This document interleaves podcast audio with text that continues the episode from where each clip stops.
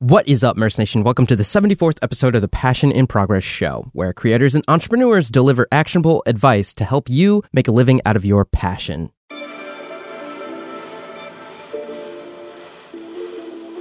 My name is Javier Mercedes. Today, we are going to hear from some of the heaviest hitters in the YouTube space and what their biggest investment has been in the last year. This question strikes home for me because I've been pursuing YouTube seriously for a year now. There's a lot of advice that I would give my prior self. My goal is for you to get some takeaways from these amazing creators on what their most return on investment was, and hopefully, their answers guide your decisions in the creative process for the year to come. We will be hearing from Matt D'Avella, Thomas Brag from Yes Theory, Samir Chaudry from Colin and Samir, Tyler Babin, and Audrey Ember. This episode is a collection of conversations that I had over a couple days while I was in LA for Vid Summit. So, a lot of these you may hear some background noise of crowd, but I think I did a pretty good job of holding the microphone up to the individuals. So, hopefully, you don't mind a little bit of crowd noise. First up is Matt D'Avella. He is a minimalist and the filmmaker who made the documentary Minimalism. Currently, his YouTube channel has more than 2 million subscribers with videos about habits and challenging himself to try certain lifestyles for 30 days or so. He's also the host of The Ground Up Show. Matt has experienced exponential growth in the past year, and here's what he had to say about his biggest investment throughout that time. Yeah, the best investment I've had in the past year, uh, and I think it's something that's, that's happened more recently, is investing in other people and bringing on two full-time employees. So I have been somebody who's been very stubborn and, but also very passionate about my work. Like I love editing, I love producing and writing, and everything that goes into my videos. I really love it. Uh, but I knew that if I wanted to grow and I wanted to continue to evolve and do bigger projects while also not burning out. I had to bring on an editor and writers and other people that could help to collaborate with me to make my videos even better, but also to allow me to take some things off my plate. So investing in other people is definitely um, the best thing that I've done in the past year. Love that. I think I want to start implementing something like that, like just outsourcing in general. I feel like I do a lot of similar content. There's podcasts, I have video editing tutorials and all that kind of stuff on my channel one of my biggest things is when did you make the decision to take the podcast off your channel and just focus on your story driven content? Yeah, that was a tough decision, especially for me, like because I'm a perfectionist and I, I feel like I, I, do something a certain way, and a lot of times I feel like, well, that's the way I have to do it forever. And if I change that up, then I'm a failure. Yeah. But it was at the beginning of this year, and I'm, you know, I'm just looking at my main videos that would do really well, would probably at the time get 100,000 to 300,000 views per yeah. video, yeah. and then the videos on my for my podcast would be like 10,000 or 15,000, and they, the two different pieces of content were totally different from each other. And I know why. So I think what it was it was that thinking about expectations. What are people expecting to get when they're uh, when they see a video of mine pop up on their feed? And I didn't want to optimize for a thumbnail or the title so then somebody would watch a podcast because then they wouldn't be expecting to get an interview from me. So like, well, let me just separate the two of them, make it very clear. Uh, and then e- while doing that, it ended up informing and changing my content up because I was holding onto the podcast and was like, I cannot stop this. Like, I, I have to keep doing this because it was the first thing that I was really passionate about when creating original content. But then it allowed me to step away from it and realize, okay, I can actually take a break from this. I don't need to kill myself doing everything myself right now. I can come back to the podcast later. I did separate the channels, but right now I've just taken a break and just focusing exclusively on the YouTube channel and uh, another documentary that I'm working on now. So it was that was the main decision that went into it, and it's worked out really well. And it's it also just creates an element of consistency. People know exactly what they're going to get if they're clicking on one of my videos, and they're not going to be fooled by clicking on an hour long podcast that they might not want to watch kudos to you when you do come up with your titles for your podcast. They're just very simple, and it's not like with such and such big name. There could be a really big name in the podcast, but you still make it so it's just like a really simple phrase. Yeah. Thank you so much for your time, man. Cool. Yeah. Thank you so much, dude. I really appreciate it, and, and I appreciate you watching the content and sticking around for so long. Yep. Again, that was the creator Matt D'Avella. For those that didn't know. Next, we have Thomas Brag from Yes Theory. Yes Theory is a group of guys seeking discomfort as a means to become better individuals. You may have seen them facing their fears bungee jumping from a helicopter with Will Smith or throwing a dart on a map and taking a plane to wherever it lands. They are a very inspirational group motivating others to stretch themselves with new experiences. At the time of recording, they have about 4.5 million subscribers. Here's what Thomas had to say about his best investment in the last year.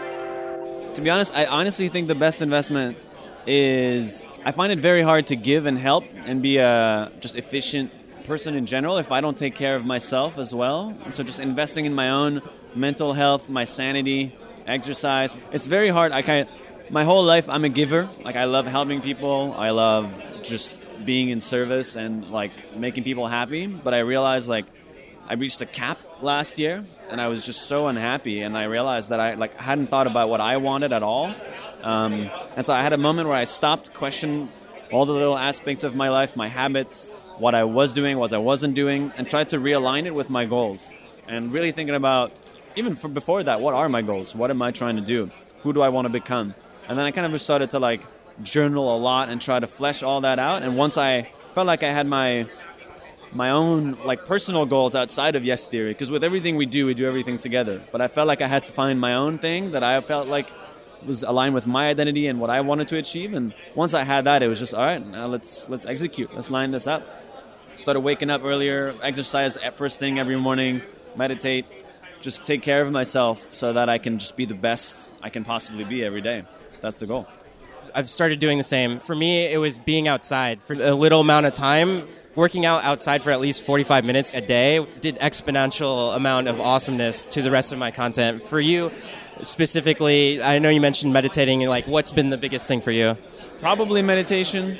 Um, I started surfing a lot, so the outdoors thing, I, I relate to it. Like waking up at like 5:30 to just go surf for an hour. I was like, I didn't have my phone on, couldn't reach me. I was in the water, like it, w- it was cold, which like woke me up.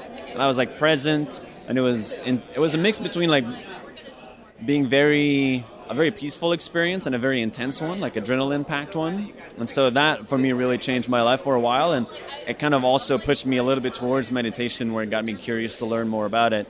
So the combination of both is really what's made the difference.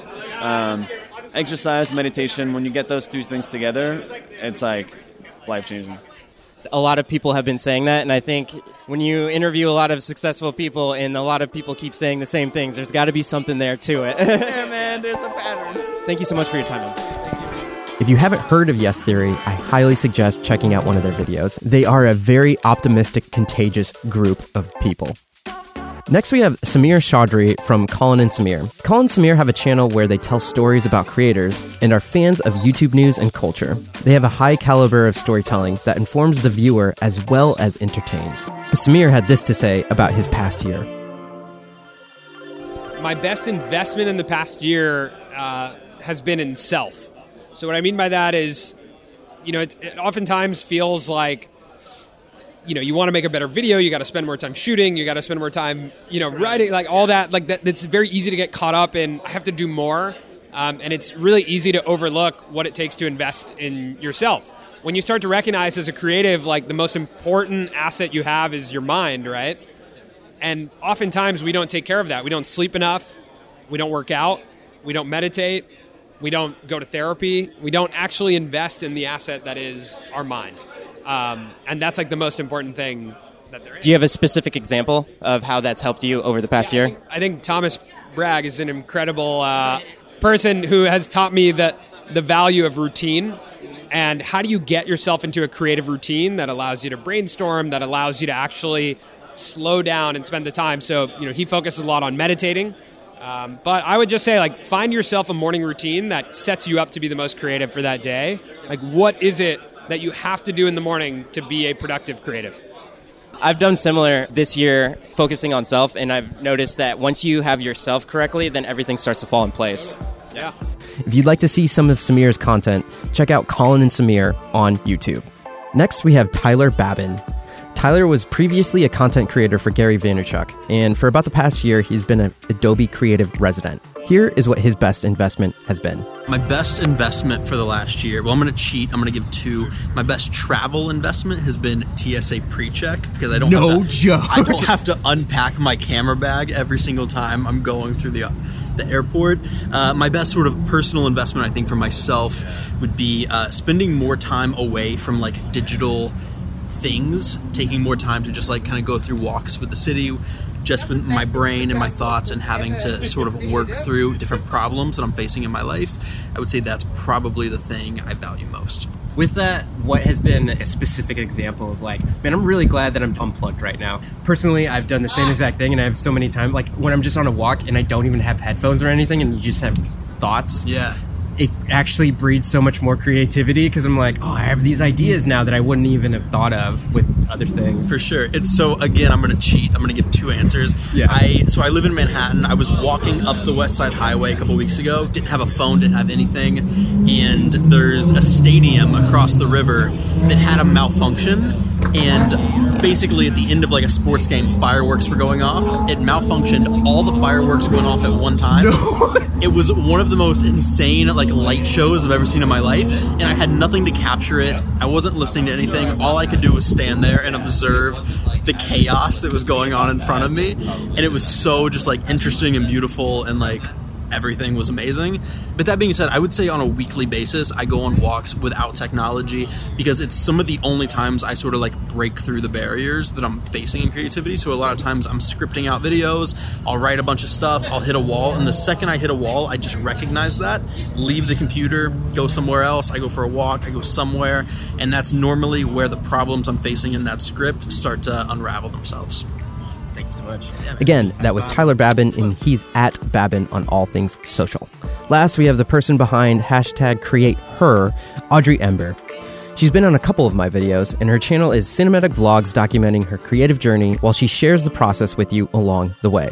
Best investment this year has definitely been investing in like opportunities like Vid Summit or VidCon to just make sure I go out and meet other creatives because networking, like meeting new people who have the same interests as me, has been literally life changing and so many opportunities have arisen from that. So even though it costs a lot to like come out here and do this stuff, it's definitely worth it in the long run, I think.